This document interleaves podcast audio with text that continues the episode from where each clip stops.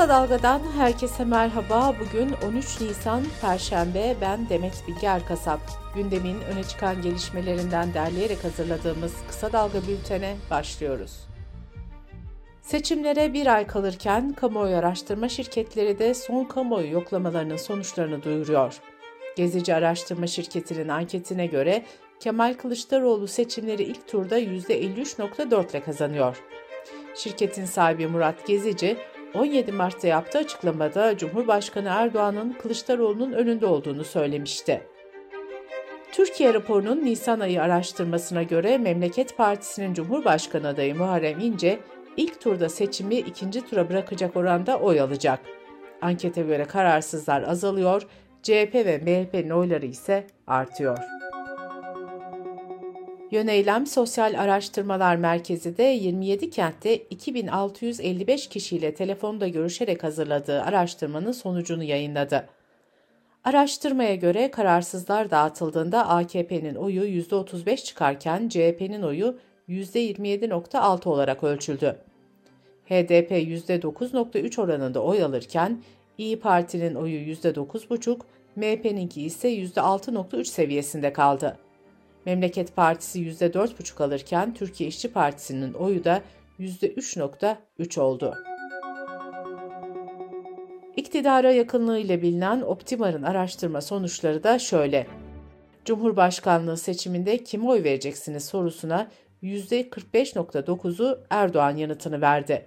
Kılıçdaroğlu diyenlerin oranı ise %43.9 oldu. Muharrem İnce diyenler %8.3, Sinan Oğan'a oy vereceklerini belirtenler de %1.7 olarak ankete yansıdı.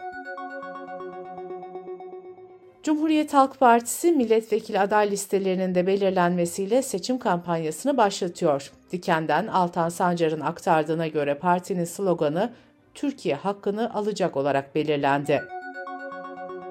CHP Genel Başkanı ve Millet İttifakı'nın adayı Kemal Kılıçdaroğlu ise eski Adalet Bakanı Sadullah Ergin ve Emin Erdoğan'ın eski özel kalem müdürü Sema Silkin Ün'ün CHP listelerinden aday gösterilmesine ilişkin konuştu.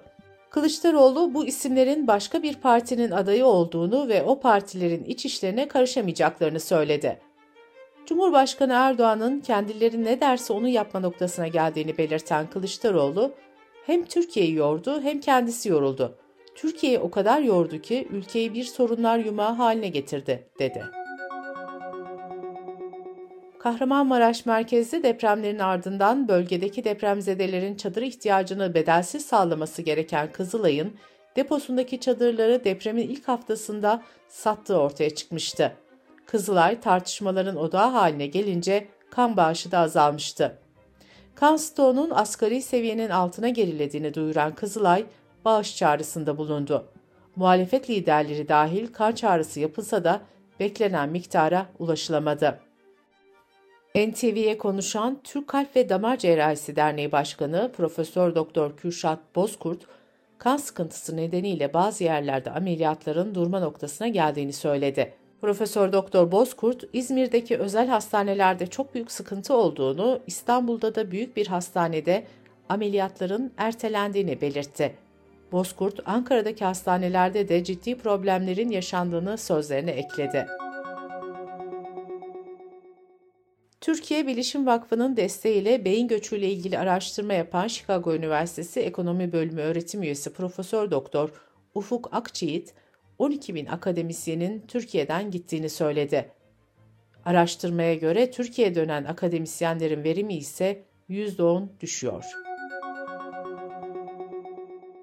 Uyuşturucu ve uyarıcı madde imal ve ticareti suçundan kırmızı bültenle aranan ve hakkında 24 yıl kesinleşmiş hapis cezası bulunan suç örgütü lideri Urfi Çetinkaya İstanbul'da düzenlenen operasyonda yakalandı.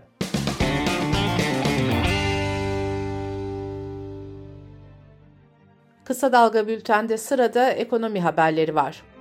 Çevre, Şehircilik ve İklim Değişikliği Bakanı Murat Kurum, TOKİ'de %25 indirim kampanyasının 24 Nisan'da başlayacağını duyurdu. Kampanyaya göre kalan borçlarını peşin ödemek isteyenlere %25 oranında indirim yapılacak.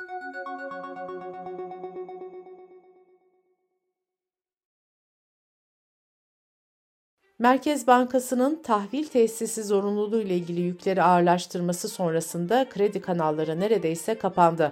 Ekonomi gazetesinden Şebnem Turhan'ın yazısına göre bankalar ihtiyaç kredilerinde 70 bin liranın üzerinde kredi vermemeye başladı. Kobi kredileri de belirsizlik nedeniyle sekteye uğradı.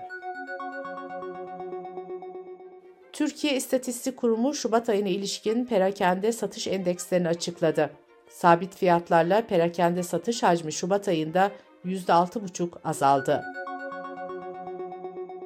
Tarım ve Orman Bakanlığı tarafından deprem bölgesinde sertifikalı tohum kullanım desteği artırıldı ve yeraltı su kısıtı olan havzalarda yağlık ayçiçeği üreticilerine tohum desteği verilmesi kararlaştırıldı. İletişim Başkanlığı Merkez Bankası'nın kapalı çarşıdan döviz topladığı yönündeki haberleri yalanladı. Merkez Bankası'nın kapalı çarşıdan doğrudan alım satım işlemi yapmadığı belirtildi. Bankanın demir sandıklarla kapalı çarşıya her gün 5 milyar lira getirip karşılığında 260 milyon dolar topladığı iddia edilmişti. Dış politika ve dünyadan gelişmelerle bültenimize devam ediyoruz. Amerika Birleşik Devletleri Savunma Bakanlığı'ndan sızdırıldığı iddia edilen belgelerde çok sayıda ülkeyle ilgili iddialar yer alıyor. Sızdırılan belgelerin önemli bir kısmı bir yılı aşkın süredir Rusya işgalinin sürdüğü Ukrayna'nın askeri gücüne ve sahadaki gelişmelere ilişkin.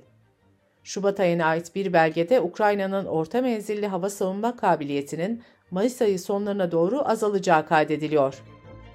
Belgelerde Pekin'in Rusya'ya askeri yardım gönderme niyeti ve hipersonik silah denemeleri dahil Çin'le ilgili birçok analiz yer alıyor. ABD basınında yer alan ayrıntılarda dikkat çeken bir diğer ülkede İsrail. Mossad'ın yeni hükümete karşı protestolara destek verdiği iddia ediliyor. Belgelerde ayrıca Rusya'ya ait paralı asker şirketi Wagner grubunun Türkiye'den silah satın almaya çalıştığı da öne sürülüyor.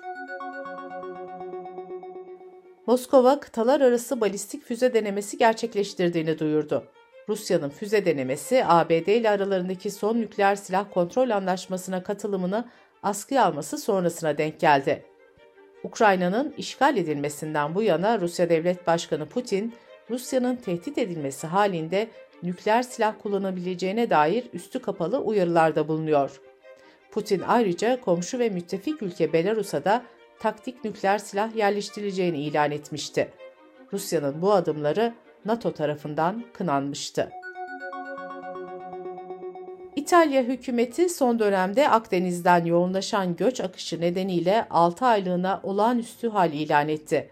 Göç akışından etkilenen güneydeki bölgelere ilk etapta 5.4 milyon euro kaynak sağlanacak. O hal kapsamında göçmenler için yeni kabul merkezleri de inşa edilecek.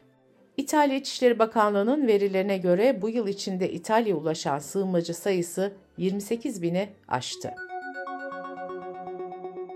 Ermenistan ile Azerbaycan arasında sular durulmuyor. Uluslararası çabalara rağmen iki ülke arasında yeni bir çatışma yaşandı. Erivan ve Bakü hükümetleri Dağlık Karabağ bölgesi yakınlarında meydana gelen çatışma ile ilgili birbirlerini suçladı. Ermenistan Savunma Bakanlığı Azerbaycan askerlerinin inşaat çalışması yapan Ermeni askerlere ateş açtığını ileri sürdü. Azerbaycan Savunma Bakanlığı ise kendi askerlerine Ermeni askerleri tarafından ateş açıldığını iddia etti. Alman basınında yer alan haberlere göre Almanya'da yakın tarihte kişisel tüketim amacıyla 25 grama kadar esrar bulundurmak ve yine kişisel tüketim için 3 adet bitki yetiştirmek yasal olacak. Dünya Sağlık Örgütü'nün duyurusuna göre dünyada kuş gribi kaynaklı ilk insan ölümü gerçekleşti. Hastalığın ilk kurbanı Çin'de yaşayan 56 yaşındaki bir kadın oldu. Kuş gribine neden olan virüs ilk olarak Kuzey Amerika su kuşlarında ortaya çıktı. Virüsün 2002'den beri küresel olarak dolaşımda olduğu, atlara, köpeklere ve fok balıklarına bulaştığı biliniyor. Geçen yıl Nisan ve Mayıs aylarında da her ikisi de Çin'de olmak üzere iki ölümcül olmayan vaka da ortaya çıkmıştı. Almanya'da COVID-19 aşısı yaptırdığı için başka sağlık sorunları yaşadığını ileri süren 185 kişi davacı oldu. İlk duruşmanın 28 Nisan'da görülmesi bekleniyor.